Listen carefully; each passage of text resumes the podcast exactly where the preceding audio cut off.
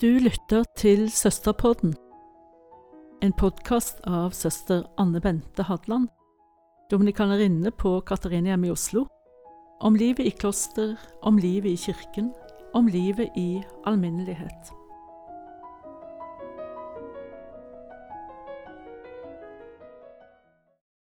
I dag vil jeg snakke om cellen, den indre og den ytre, men først litt om klostercellen rommet mitt i klosteret. Alle søstrene har en celle for seg selv. Der har vi det vi trenger av personlige ting, og der har vi en privat sfære som bare er vår. I min celle har jeg noen få ting som betyr noe for meg. Et par bilder, noen bøker jeg må eller vil eller har lyst til å lese i den rekkefølgen, et ikon, Kristus Pantokrator, som jeg fikk av min medsøster Else Marie. Det var et av de første hun laget. Hun hadde mislyktes med gullet og kunne ikke selge det, sa hun, så da fikk jeg det. Så det har noen skjønnhetsflekker her og der, men det gjør ingenting. Det har nærvær og er levende. Maria er der også, og et krusifiks som er en kopi av korset i kirken i Karmel i Tromsø.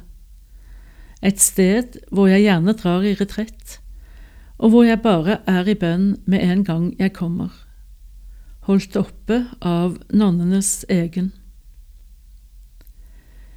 En medbror av nonnene i Karmel, broder Wilfrid Stinesen, har laget en håndbok for karmelitter. Gjem deg ved bekken Kerit heter den, og der skriver han om klostercellen.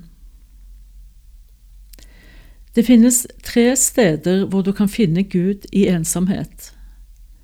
Tre plasser der vår ordens eremittiske dimensjon kan leves ut og komme til sin rett. Ditt kloster, din celle og ditt hjerte. Disse tre trenger hverandre og viser til hverandre. Og han siterer Abba Moses, en av ørkenfedrene, som sa, Sitt i din celle, og din celle vil lære deg alt. Dette er ikke akkurat gjengs i dominikanerordenen. Vi bruker våre celler annerledes, til arbeid og studier, bønn og hvile. Men Stinesen har noen praktiske råd som også har anvendelse for oss. Ja, for folk utenfor klostrene også, vil jeg tro. Har du vennet deg til å leve i en rotete celle, sier Stinesen, så tenk, tenk da på om ikke dette sier noe om din sjel.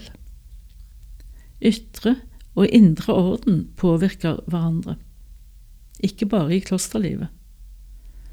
Orden har mer med Gud å gjøre enn du kanskje tror, sier han også. Og for å presisere, ikke legg deg om kvelden før du har ryddet skrivebordet ditt. Avslutt hver dag som om det var din siste. Da kan du, hvis Gud gir deg en ny dag, begynne et helt nytt liv. Det er et veldig godt råd. Dette oppryddingsarbeidet som Stinesen her snakker om, gjelder jo ikke bare skrivebordet. Det kan også forstås i overført betydning. Rydd opp, få ting på plass i forhold til mennesker, i forhold til Gud. For hvordan avslutter du dagen din? Hva er det siste du gjør før du legger deg? Samvittighetsransakelsen om kvelden er en del av god klosterdisiplin, som godt kan starte med en takksigelse hvor du løfter frem det positive som har skjedd i løpet av en dag, og takker for det, og så legger frem for Gud alt det andre. Salige er de rene av hjerte, for de skal se Gud, leser vi i Skriften. Og, vil jeg legge til, de skal se Guds egen pedagogikk i alt som skjer. Erfare at Gud er til stede i livet, også i lidelsen og i det vanskelige, og hjelper oss å vokse og gjøre fremskritt i det åndelige liv. Men tilbake til Stinesen igjen. Bygg deg en indre celle, sier han også. En indre celle i ditt hjerte der du alltid kan møte din elskede, også om du tilfeldigvis skulle befinne deg utenfor klosteret. Og der er vi plutselig helt på linje. For dette er jo karmelittisk spiritualitet, men den er sannelig også dominikansk. For hva sa ikke Jesus til Katarina og Sienna, dagens store helgen, da hun etter en tid i arbeid og ensomhet i foreldrenes hus skulle ut i kampen for menneskenes frelse? Bygg deg en celle, sa Jesus til henne, en indre celle og en ytre. En ytre celle som du ikke forlater om det ikke er nødvendig, og en indre som du alltid bærer med deg i vissheten om at Gud aldri forlater deg, og at du aldri forlater Gud. Du kan alltid nå ham, søke ham i ditt eget indre, i den indre cellen. Denne indre cellen er selverkjennelsens, selvinnsiktens celle. Gudserkjennelsen og selverkjennelsen går hånd i hånd hos Katarina.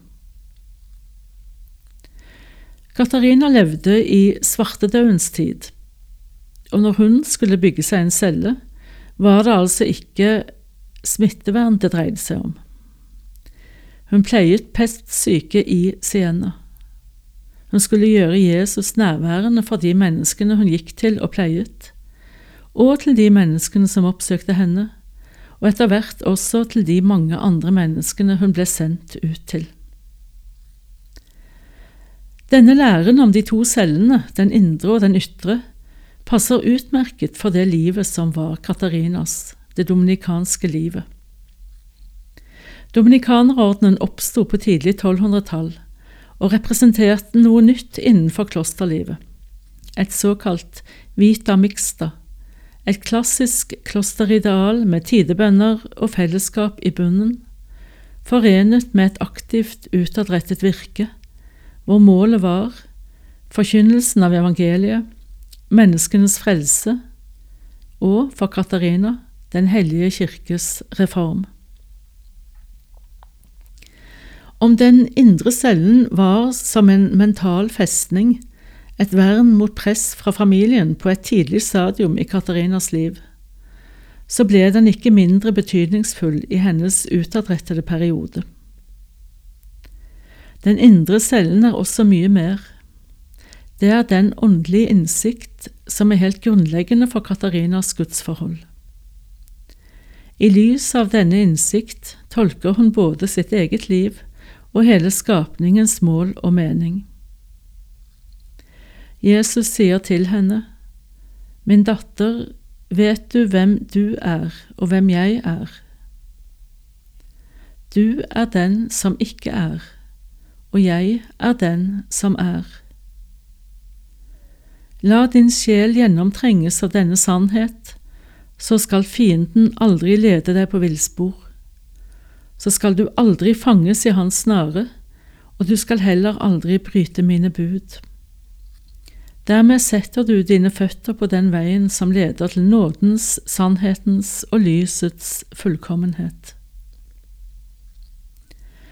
I selverkjennelsens indre celle konfronteres Katarina med sine onde og destruktive sider. Men hun lærer også at Gud har utrustet henne med fornuft, vilje og evne til å elske. Hun lærer å akseptere og leve med paradokset, å være skapt som Guds avbilde, og samtidig ha synden og ondskapen i seg. Bygg deg en celle, altså en indre celle. I en verden av uro og uforutsigbarhet er troen, befestet i Jesus, en stabiliserende faktor. En tro som gir fred. Når uro og bekymringer melder seg, overlat det til ham som kan gjøre noe med det, Jesus. Bygg troen, Plei og fordyp forholdet til Jesus gjennom stillhet, bønn og åndelig lesning. Men hvordan, vil du kanskje spørre. Stinesen gir oss et råd med på veien.